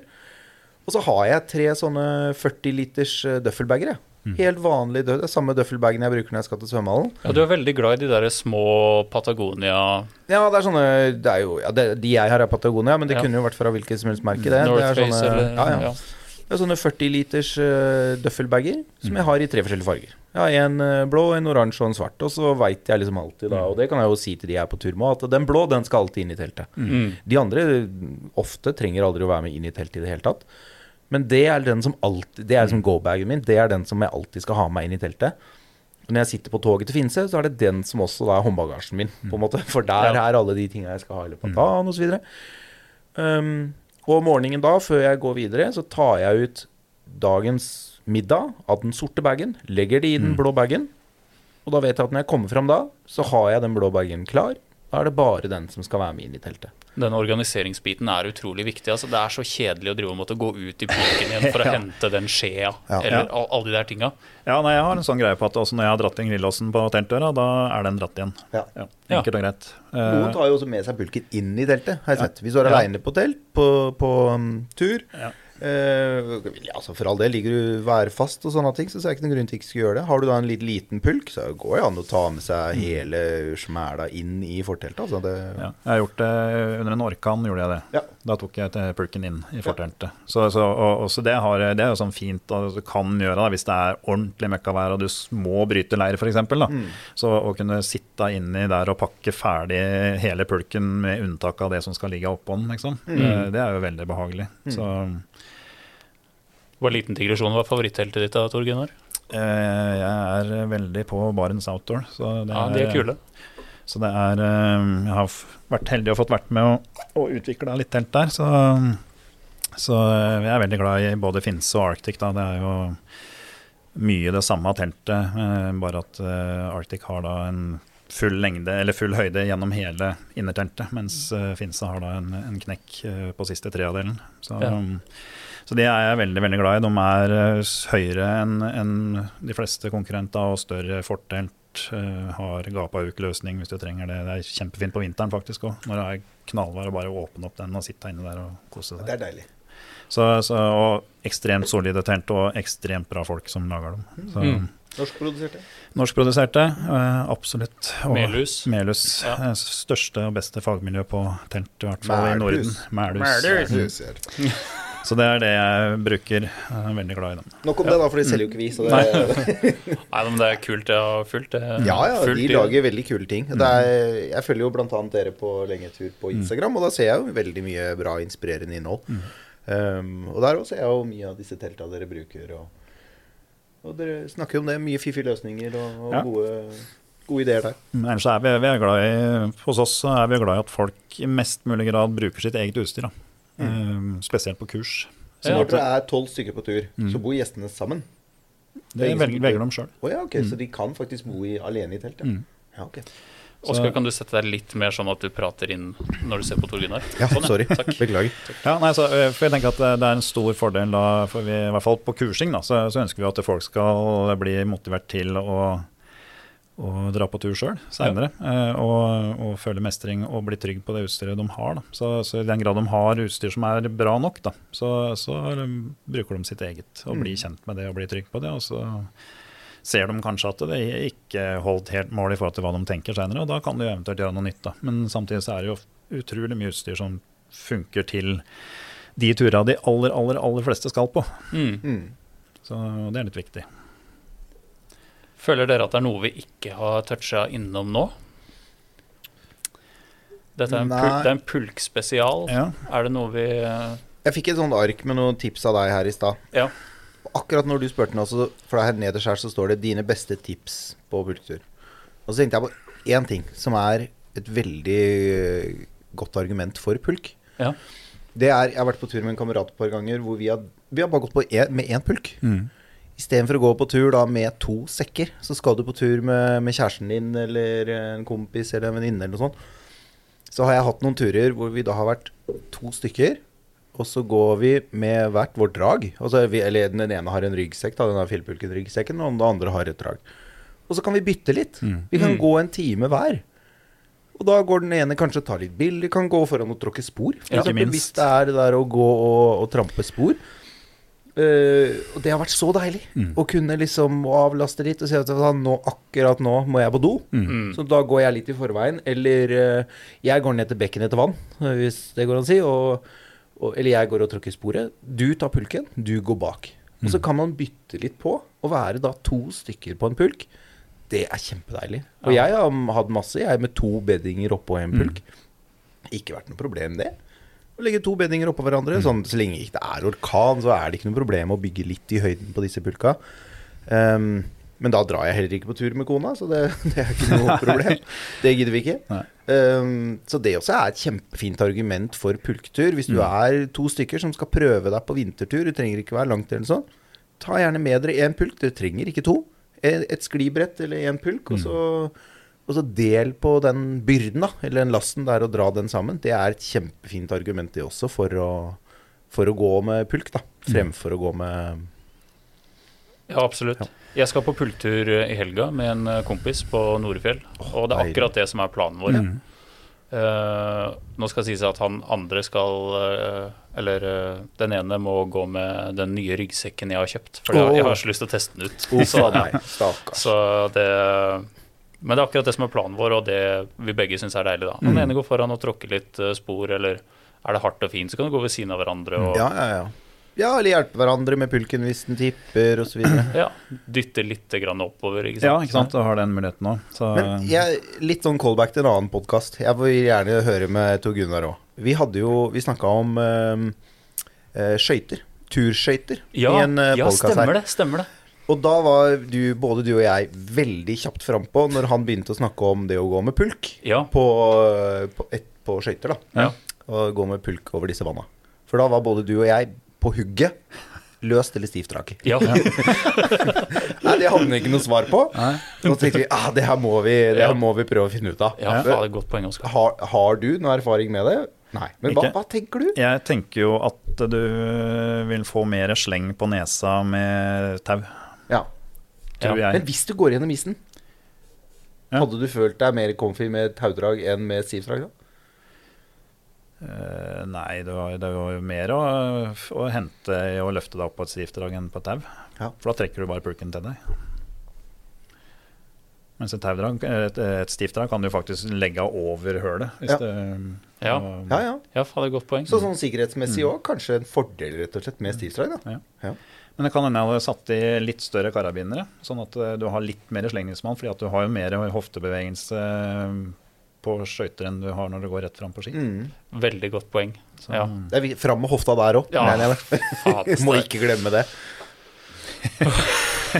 Men hvis noen har en, en veldig god erfaring på dette her, så, så hadde det vært morsomt å, Ja, å høre om noen har Mm. testa det ene eller det andre. For det Ja, det, Mm. det virker jo Det er veldig mange gode tanker her, altså. Ja, for det, altså, det er veldig mye du kan bruke perk til. ikke sant? Så det er, eh, og du kan jo bruke perk hvis du skal også, Det som mange kanskje ikke gjør, det er jo å ha med seg perk når du går på trugetur. Mm. Ja. Eh, og, og det er kanskje ikke så mange som går på flere dagers trug, trugetur heller, men det er jo er utrolig fint.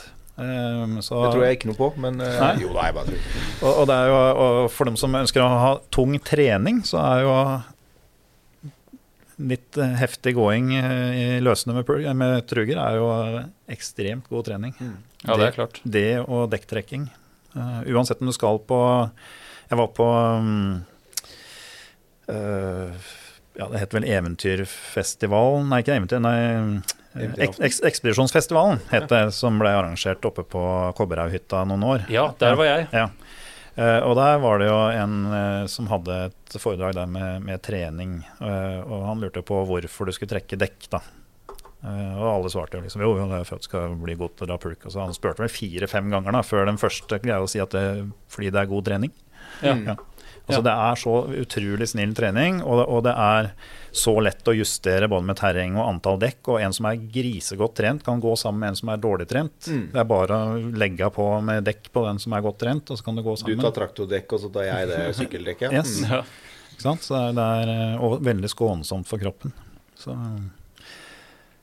så, så dette her, og at Perk har eh, utrolig mange anvendelsesområder, altså. Og, og, og det blir jo da i løsene, om det er ski eller truger, så, så blir du ikke trøkt ned i snøen, sånn som det blir eh, med en sekk, da, hvis du har en 20 kilos sekk. Nei. Så, Godt poeng. men ellers så, hvis, du, hvis jeg skal si noe om det der beste tips Ja. eh, Jeg har en sånn greie på Altså jeg prøver da å få Jeg har laga meg et eget begrep på det òg. at alt utstyret skal være vottbart. Ja. Ja. Mm, det skal ja. være mulig å håndtere det aller, i hvert fall det viktigste utstyret. Jeg skal klare å få opp teltet mitt uten å måtte ta av meg votta. Men de bitte små karabinene på fjellpulken sine drag da, på Ja. sidene der Der har jeg satt inn mannlige karabinere i stedet, i dem igjen. ja, Ja. ok, så der har du så sånn eh, pensjonerte klatrekarabiner, da, Mm. som jeg ofte bruker. Yes. Så da får du litt mer slark i, i, i, i draget. Men, eh, og går du med taudrag, så har du jo store Vil du jo velge større karabinere. Mm. Og det er også Og da en eller annen litt tynn tråd, feste hemper på alt. Om det er stramminga på og glidelås på teltet, glidelåsen på jakka di. Mm. Eh, ha Ikke minst ha votter som du henger fast i jakka di, eh, med stropper rundt arma. Mm. Eh, ja, har du eh, skisko med, med gammasjer på, sett snor i, i glidelåsen på den. Mm. Jeg har lange snorer i hempa bak på skistøvla, sånn at jeg kan dra på meg skistøvla med votta på. ja. Hvilke skisko er favoritten din, forresten? Akkurat nå er det Alpha Free som jeg bruker mye. Ja. Eh, går med Explore på I motsetning til hva du tenkte, så er det gull på langtur. Jeg elsker det. Ja. Jeg har begynt med det, jeg òg, den Ja, her. ja for, det er det, i, fantastisk. for du sa det i, i poden, så sa du det at du kanskje ikke anbefalte, men det er jo helt nydelig. Altså, jeg, altså Selve bindingssystemet Det eneste jeg ikke liker, det er støvlene. Ja. Jeg skulle veldig gjerne ønske at jeg hadde den høye støvelen som jeg har til BC. Den, Mm. med, den høye med gamasj. Den skulle jeg veldig gjerne hatt med Hvis jeg kunne fått den støvelen med uh, Explore-innfesting på, Mm. Så hadde jeg vært i mål. Da hadde jeg vært akkurat det jeg ville hatt. Da har du Helgas kunst- og håndverksprosjekt. dette blir ja, Nei, det der veit jeg ikke Ja, du, du, har et, på. eh, du har et helt nydelig knekkpunkt eh, når du går. Det blir en veldig naturlig måte å gå på. Med Og det er enda enklere å gå godt på langrenn, Mm, yes. har jeg merka. Med, Ja. den, eh, med den. Altså, jeg Explorer er fantastisk deilig å gå på. Så det Nei, det er jeg kjempefornøyd med. Så det, det, jeg trekker meg på den, hvis jeg har sagt at Ja, det ikke var anbefalt det, eh, langtur. Ja, du, du sa det i Ja. den poden at du kanskje ikke anbefalte det. Men, Det eh, er bra vi blir arrestert litt. Ja, men det er Ja, veldig, veldig Det, fint. det er helt topp. så, men det er min smak, da. Ja. Så, men ellers, er- ellers er det jo Alfa Outback, da, som det har gått i, i alle år med gammars. Ja, den er fantastisk. Og da, den problematikken der og da med at de blir varme, så bretter jeg bare ned gammasjen, drar glidelåsen halvt opp, og så bretter jeg den ned, og så fester jeg borrelåsen igjen foran, så har du åpen. åpen. Ja. Jeg har, et, jeg har to spørsmål til. ja Jeg så kikka litt på, en sånn uh, Facebook-side, sånn uh, Friluftsliv i Norge, er det den heter? Ja. Den som er så veldig populær. Eh, Veldig mye artig. Folk er flinke Mm. til å stille spørsmål om alt mulig, og det, det som er fint, er å se at folk hjelper hverandre. Mm. Det er bra. Ja, virkelig. Um, Det er som i Landcruiser-forumet. Ja, ok. Det, der, er ikke jeg, der er ikke jeg innlemma Nei, med er min eh, Renault. miljø, men, altså. ja. Shout-out til alle der. Det er mye rause folk i Norge, Mm. rett og slett. Men uh, feste av taudrag hvordan, eh, Det kikka jeg litt på i går kveld, hvordan folk fester taudrag på fjellpulken. da Og igjen, eh, det var starta vel med en som spurte hva er best, og så var Å, herregud, for ja, minefelt. ikke sant? Og da, etter 160 kommentarer, så var det alle enige om at ok, nå roer vi dette, og så blir vi heller enige om at det går an å bruke begge deler. Men hvis du skal bruke taudrag, hvordan fester du taudraget da best på en fjellpulken? Ja. Har du noe erfaring med det? Du har, eh, hvis du har da Explorer-pulka, så har du jo en ganske kraftig sånn festekrok på sidene, litt ned på pulken, som du kan bruke. Litt bakover. Litt bakover på pulken, Mm. som du kan bruke. Ja, Eh, de D-ringene. Yes. Ja. Uh, men uh, jeg har både laga meg et eget Jeg kjøpte meg da også den, eh, den eh, aluminiumsbøylen. Den som er nederst på draget, det stive draget. Og det er bra, for akkurat det, akkurat det der, det skrev jeg i det Ja, den- og sa at jeg, den mener jeg å huske at du får kjøpt løst. Ja, den får du kjøpt løst, så det jeg har gjort der. Ja, Og så har jeg da tredd en liten eh, Angående modding av utstyr. Eh, En liten hageslangebit ned i hver, så du får dempa den der skarpe kanten. Og så har jeg tredd tauet igjennom. Og så en åttetallsknute og en karabiner. Ja. Eh, og så har jeg også festa en liten bilstrikk eh, i den der bøylen med noe gorillateip. Eh, som jeg fester da oppe på pulken, så at ikke denne her detter ned og går under pulken. Ja, ikke sant? Eh, Men den jeg har brukt en del nå, som jeg syns er kjempemorsom, det er jo eh, Den heter vel hundeforspenning, tror jeg. Det er en, et sånt hunde til, også til, brukt til eh, hundeløp. Mm. De har de der, I gamle dager hadde de der 30 kilos pulka som er 15 cm høye, som Ja, ja, henger ja, bak. ja. Mm. Og Der har du en sånn fjørbelasta Mm. eh, bøyle. Ja. Ja, som du får kjøpt, da, så, som da går inn i, i dragfestet. Og så Mm. har den da strikker til de D-ringa litt eh, ned på pulken. Og så fester du bare taudrag på den. Da har du fjørbelastning. Men da slipper du å ha fjørbelastning på taudraget òg. Ja. ja. Og da, den løfter seg bare opp igjen når du stopper. ikke sant? Tar av belastning, så løfter den seg opp så tauet ikke forsvinner under pulken. ja. Så sjekk ut Fjellpulken. De har, hvis ikke vi har det i eh, Fjellsport, så er det litt sånn ekstrautstyr som Mm. går an å kjøpe. Som er eh, Ja, men det var, det var bra. Kan ikke du sende oss bilde av det? Jo. Så kan vi publisere det Ja. et eller annet sted. Tips og triks. Ja, Og så har jeg ett spørsmål til. ja Er det noe på. annen spesiell modding du gjør med dine pulker? Er det noe spesielt du Jeg har jo sett folk har jo um, eh, Litt sånn som eh, Acapulca har. De har jo glidelås på trekket. Mm. Jeg har sett noen som har sydd på glidelås på fjellpulken sitt trekk. Jeg så en som hadde En kamerat av meg, han eh, sydde inn to sånne meier, rett og slett, Mm. i trekket. Sånn at han liksom kunne rulle det sammen som en sånn vanntett Mm, eh, ja. pakkpose. da Ja.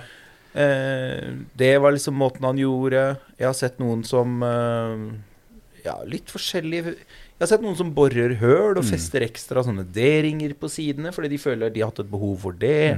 Er det noe spesielt du gjør med dine pulker? Nei, jeg har, ikke, har egentlig ikke gjort det. Uh, for jeg har jo hatt uh, Fjernpulken hadde jo en sånn karbonpulk for noen år siden. Så den var det jo rullet opp på.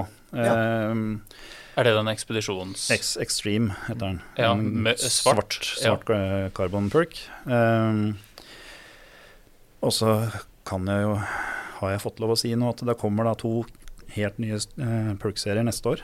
Oi, oi, oi. Som da i tillegg til de som er eksisterende nå. Som da vil hete Traverse og Touring, og de har glidelås på toppen.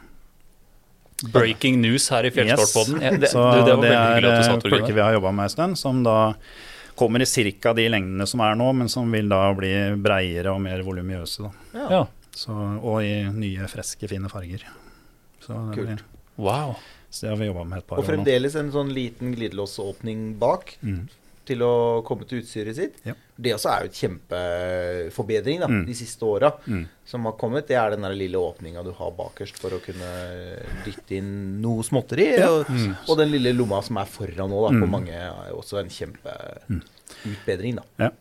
Nei, så Ellers så har jeg ikke gjort noe med sjølve pulken. Jeg gjorde det når jeg var på tur aleine i fem uker. Så, så la jeg et eh, tynt tynt liggeunderlag i bånn på pulken. For da, bare for da, I verste fall så hadde jeg muligheten da, til å, å legge meg sjøl oppi der i en, Ja. nød, en nødsituasjon. Ja. Og, og ha det, det kunne jeg gjøre uten liggeunderlag for så vidt, da, Ja. men, det, men da var det litt mer behagelig. Da. Mhm. Det er jo også noe vi har snakka om med sleeper slash bedding. Ja. Mm. Eh, I et eh, nødstilfelle så er jo den potte vindtett, eh, og noen av de har jo vanntette glidelåser også. Ja. Ja, ja. Det blir jo som en vindsekk, da. som Ja, så, så det er jo, og i hvert fall de nye til fjærpjuken nå er jo så høye også, at det der er det faktisk så du kan ligge og dra inn glidelåsen hvis du må. Mm. Så um, det er ikke å anbefale, det blir jo kondens og alt mulig rart, men også at i en nødsituasjon så er det Ja, ja, nei, dette Ja. er jo mens du ligger og venter på kavaleriet. Yes. Liksom. Så, Ja. så, hvis teltet blir borte, så går det an å legge seg inn i det. Heller varm og klam enn tørr og død. Ja, det var ikke Mm. dumt. Det er sånn Det kan du også ha på en T-skjorte. Det, det er en saying ja, jeg vet. Men det er en sånn saying som jeg har hatt lyst til å si i Fjellsportpodden så lenge. Men jeg venta på det riktige øyeblikket, Ja. og nå følte jeg det var det. Nå var du på Ja, plass. Da må du si det en gang til. Ja, Heller eh, varm og klam enn tørr og død. Det er Ja. fantastisk. Ja. Som sagt, få det på en T-skjorte. Det- Den, eh, det og hofta fram. Ja, i hofta T-skjorten. fram. jeg skal ha begge Ja, de skal jeg holde. i rosa. Men ja, da er det som du påpeker, Oskar. Da dropper vi det siste kodeordet. Det er motvind. Motvind er altså det siste kodeordet. Ja. Så hvis man har alle tre, og sender de til eh, fjell, eh, inspirasjon alfakrøllfjellsport.no, så kan du vinne både en Fjellpulken sleeper og en eh, teltpose som passer perfekt på pulken din. Eh, Tor Gunnar, er det noe du føler vi har eh, ikke toucha innom nå, eller eh, tenker du at vi, at vi er rundt? Nei, jeg tror vi har vært innom mye. Og, og, men det er klart at mye av det vi har prata om, er jo eh, Altså, det er jo viktigere da, jo, jo lengre turer du skal på. Jo mer nøye må du bli med utstyret ditt, jo nøyere må du være med pakkinga. Og så skal du parkere og gå ei kjørt løype to kilometer og satt opp et tent, så er det liksom ikke Om den pulken er litt feilpakka, da, så går det helt fint. Mm. Eh, så dette her er jo eh, Det er men, men, det, men, det, men, det- men det vil jo også gjøre Selv på den turen der så vil det jo bli bedre med en, riktig pakka pulk. Mm. Ikke sant? Så at det, det er jo noe å hente for alle. Men, men jeg tenker at vi har, vi har prata mye nå til de som ønsker å dra på en ukestur, f.eks. Mm. Har vi sagt veldig mye til. Og, Mm. og ja, ei uke eller fem uker, det er egentlig ett fett. Altså det Det er bare litt mer mat. mer mat og mer bensin. Ja. Eh, og så har det å gjøre de samme tinga litt flere dager. Mm. Og være litt nøyere. Og så er det også et med- poeng, selv om du skal gå to kilometer, så kan du fortsatt trene på å gjøre det riktig. Ja. Til uh, Og det er Mm. der du bør starte, da. ikke sant? Folk, eh, og, og det Jeg tenker jo at eh, sånn, alle disse her store mm, eventyrene sånn som er mye på TV og, og, og sånne ting um, Jeg tror det, det motiverer noen, men så skremmer det også mange, tror jeg. Jeg Ja. tror det er mange som tror at du må gjøre ting så stort og omfattende og, og sånn for å reise på en tur. Altså, det er ikke noe gærent i å, å hive seg ut og gå, gå to kilometer i kjørt løype og, og um, sette opp teltet der og ha det kjempehyggelig der ei natt og gå hjem igjen dagen etterpå. Det er jo kanontur. Det er like mye verdt som å, å gå til Sydpolen. Ja, ja, ja. Det er et par ganger nå i det siste hvor Det det har vært mye mer sosialt. Ja, det, det er ikke fall. Ja, minst. absolutt. Men det er et par ganger nå i det siste hvor jeg har kjørt hjem fra jobb da, og sett litt av det været som har vært, og tenkt liksom at vet du hva, nå hadde du fått bryna deg på et jorde i Stokke. Ja.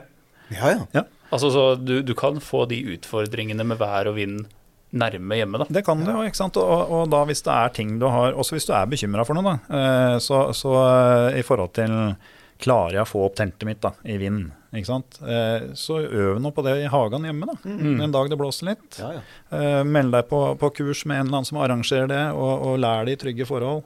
Det ligger jo masse videoer ute eh, på hvordan du gjør dette her. Og vi har prata litt om dette her med, med å ha teltet oppå, oppå pulken. Mm. det er ikke sikkert alle veit hva det er, men det er jo et rullesystem hvor du da har stengene i teltet. Så det er veldig veldig kjapt eh, gjort å, å sette det opp. Fortrinnsvis tunneltelt. da. Tunneltent, ja. Eh, Med kryssa buer så, så funker det ikke. Og med, hvis du skulle rote deg til å dra med en type sånne amerikanske telt med adskilt ytter- og innerduk, eh, så funker det heller ikke. Så, men, men til vanlig europeiske tunneltelt så er det jo helt gull, og da øver du litt på det, så, så er jo det veldig kjapt. Jeg har pers på 16 minutter aleine i full storm og sett opp teltet mitt med den rulleteknikken. Ja. Men da var det mye øving på forhånd. Det er klart det. men, men eh, det er veldig kjapt, og det er trygt, og det er eh, Så det er et veldig fint system å lære seg da, hvis en skal på flerdagerstur. Så er det veldig fint. Mm. Ja, samme for meg, og jeg vil jo si til mange også at eh, du kommer veldig langt med en gammel barnepulk. Mm. Eh, mine første pulkturer, det var Altså de første turene, det var jo når jeg satt i barnepulken. Men de første turene jeg gikk med pulk, da gikk jeg og dro på akkurat den samme pulken som jeg hadde sittet i. Men da hadde jeg fylt med utstyr istedenfor. Og den gikk jeg masse turer med. Første gang over Hardangervidda, fra Finse til Rjukan. Med, med en sånn barnepulk. Det var helt topp, det. Med den derre håpløse, irriterende bare åpninga helt bakerst. Eh, så du liksom måtte grave fram alt som lå foran i pulken. Men det gikk kjempefint. Det var ikke noe i veien, det. Og så gikk jeg masse turer med den. Og, og med sklibrett har jeg gått på tidagersturer. Sånne parisbrett og dette fra fjellpulken. Det grå brettet fra fjellpulken. Og, altså Folk bruker det både til å dra ved, men folk går også til Sydpolen med sklibrett. Ja, det er viktig å poengtere. Så du må ikke ha den aller dyreste, raffeste, feteste pulken heller. Hvis dette er noe du skal gjøre en gang eller to. Går, an å, det går an å kjøpe brukt. Det går an å leite litt i boden til bestemor og bestefar. Det går an, kanskje du har noe liggende på loftet på hytta. Ehm, og det går an, og som du også sa, du kan modifisere nå. Da, så er det jo kit for å modifisere disse barnepulkene i tillegg. Ja, ikke bare det, men også andre, andre størrelser, som trekket trekka ryker Ja. på f.eks. Så får du kjøpt nytt trekk. Og det går an å kjøpe nye meier, det går an å reparere her og der. Det er masse ting du kan gjøre. Så du må ikke investere i Og et brukt bruktmarked, ikke minst. Ja, Du må ikke investere i en helt ny pulksett til 10 000 kroner for å dra på pulktur. Nei. Og du må heller ikke gå i seks dager. Nei. Ta én natt. Start meg i natt. Men det er hyggelig hvis det er noen som kan spytte inn 10 000 i nytt pulkeutstyr. det er hyggelig hvis noen gjør det. Ja, hvis det- blir aldri bedre enn utstyret ditt. Nei, det er viktig å si. Nei, det er, jo, det er jo noe med det, men det er jo liksom eh, da, Hvis jeg kan skyte inn litt sånn heter det for noe? Plakatreklame, så er jo liksom nye, nye slagordet til Fjellpulken er jo 'Vi går i arv'. Mm. Ja. Og det er jo det med å kjøpe Hvis du kjøper nytt utstyr, så kjøp solid. Ja. Eh, for da kan det gå i arv, og du kan få igjen for det hvis du skal ikke bruke det lenger. Ja, ja. Så, så blir du kvitt det, og du, du kan eh, modifisere, og du kan eh, Så det også å bruke litt ekstra penger for å få ordentlige ting, Mm. som i hvert fall er gode nok da, til det du har lyst til å gjøre, Mm. så du får en god opplevelse. Men det kan du kjøpe brukt, og du kan kjøpe nytt. Absolutt. Eller låne, eller Mm. Nei, men Bra. Da runder vi av. Eh, husk å sende de tre kodeordene til inspirasjon alfakrøllfjellsport.no i løpet av februar 2024. Ja, så tenker jeg Hvis det er noe, noen, noe man lurer på, yep. så skal vi prøve å svare. Hvis det er noen sånn pulkrelaterte ting, så skal vi prøve å svare på det. Jeg kan også prøve å videresende til Tor Gunnar hvis det er noe helt spesielt dere lurer på. Ja, Og så legger vi også ut mobilnummeret til Tor Gunnar, og han kan ringes når som helst. Ja, på adresse. Det er bare å ringe Trolle så mye du vil. Og er det noe tips eller triks du har lyst til å dele angående pulk, hvis du vil at vi skal snakke noe mer om det her, eller noe sånt, så, Mm. så si ifra på mail, så, så kommuniserer vi gjerne med deg der, altså. Absolutt. Jeg må jo si at Noe av det morsomste med å drive og arrangere turer og kurs, er jo dette her med å, å se hva andre gjør. Altså det å aldri slutte å lære, da. Og det, og det er veldig ofte Og de som kan minst, er jo ofte de som tør å stille de spørsmålene. Altså hvorfor i all verden gjør du det? Nei, du veit du hva, det har vi nok ikke tenkt på noen gang. Sånn de har oss gjort i alle år. Så det, altså, så det er veldig morsomt, altså. Og det å reise på foredrag, reise på kurs, les blogger. Eh, Ja, og ikke vær redd for å spørre Ikke vær redd for å spørre. foredragsholderne spørsmål. Mm. Altså, ikke vær sjenert for å rekke opp handa og spør Børge Ausland hvorfor, Mm. hvorfor gjør du det sånn. Det er jo et veldig morsomt klipp hvor Alexander Gamme spør han om uh, sleeper. Ja. Nei, det har han aldri brukt. Nei. Han er litt usikker egentlig på hvordan dette funker, og hva dette her er for noe. Ja. Og det er jo på en av de siste turene han gikk på nå, og det er kjempeartig. Ja. Alexander Gamme er sånn Hæ? Hva er det du Går det snakker om? Har du ikke Nei, det har jeg aldri brukt. Det har jeg aldri hørt. Det har ikke... Hva er det han gjør istedenfor, da? Nei, han bare legger soppposen opp på pulken. Ja. Ja. Men og det er selvfølgelig det fungerer jo det, men, Mm. men det er ikke noe Og så spør eh, disse hvorfor bruker du den skibindingen og ikke den andre. Ikke vær sjenert for å spørre eh, folk som kan litt mer, for Mm. det mest sannsynlig så har de nerda og holdt på med dette lenge, og de syns det er kjempegøy Kjempemorsomt. hvis noen kommer med en eller annen mening om det ene eller det andre. Og de skal ikke sløye deg ned, men de syns det er veldig spennende å lære og, ja, å ta stilling til de forskjellige ideene. Da. Bra. Da tror jeg at jeg trykker på rekk-knappen og avslutter episoden. Vi er på godt over halvannen time. Så Ja, det det her, blir, det her blir kjempebra. Vi har kosa oss veldig. Tor Gunnar, tusen hjertelig takk for at du eh, kom og øste av din kunnskap. Veldig, veldig hyggelig å få være her. Kjempehyggelig. Og dere har masse kunnskap, dere òg. Det er veldig morsomt. Så bra. Så bra. Da runder vi av.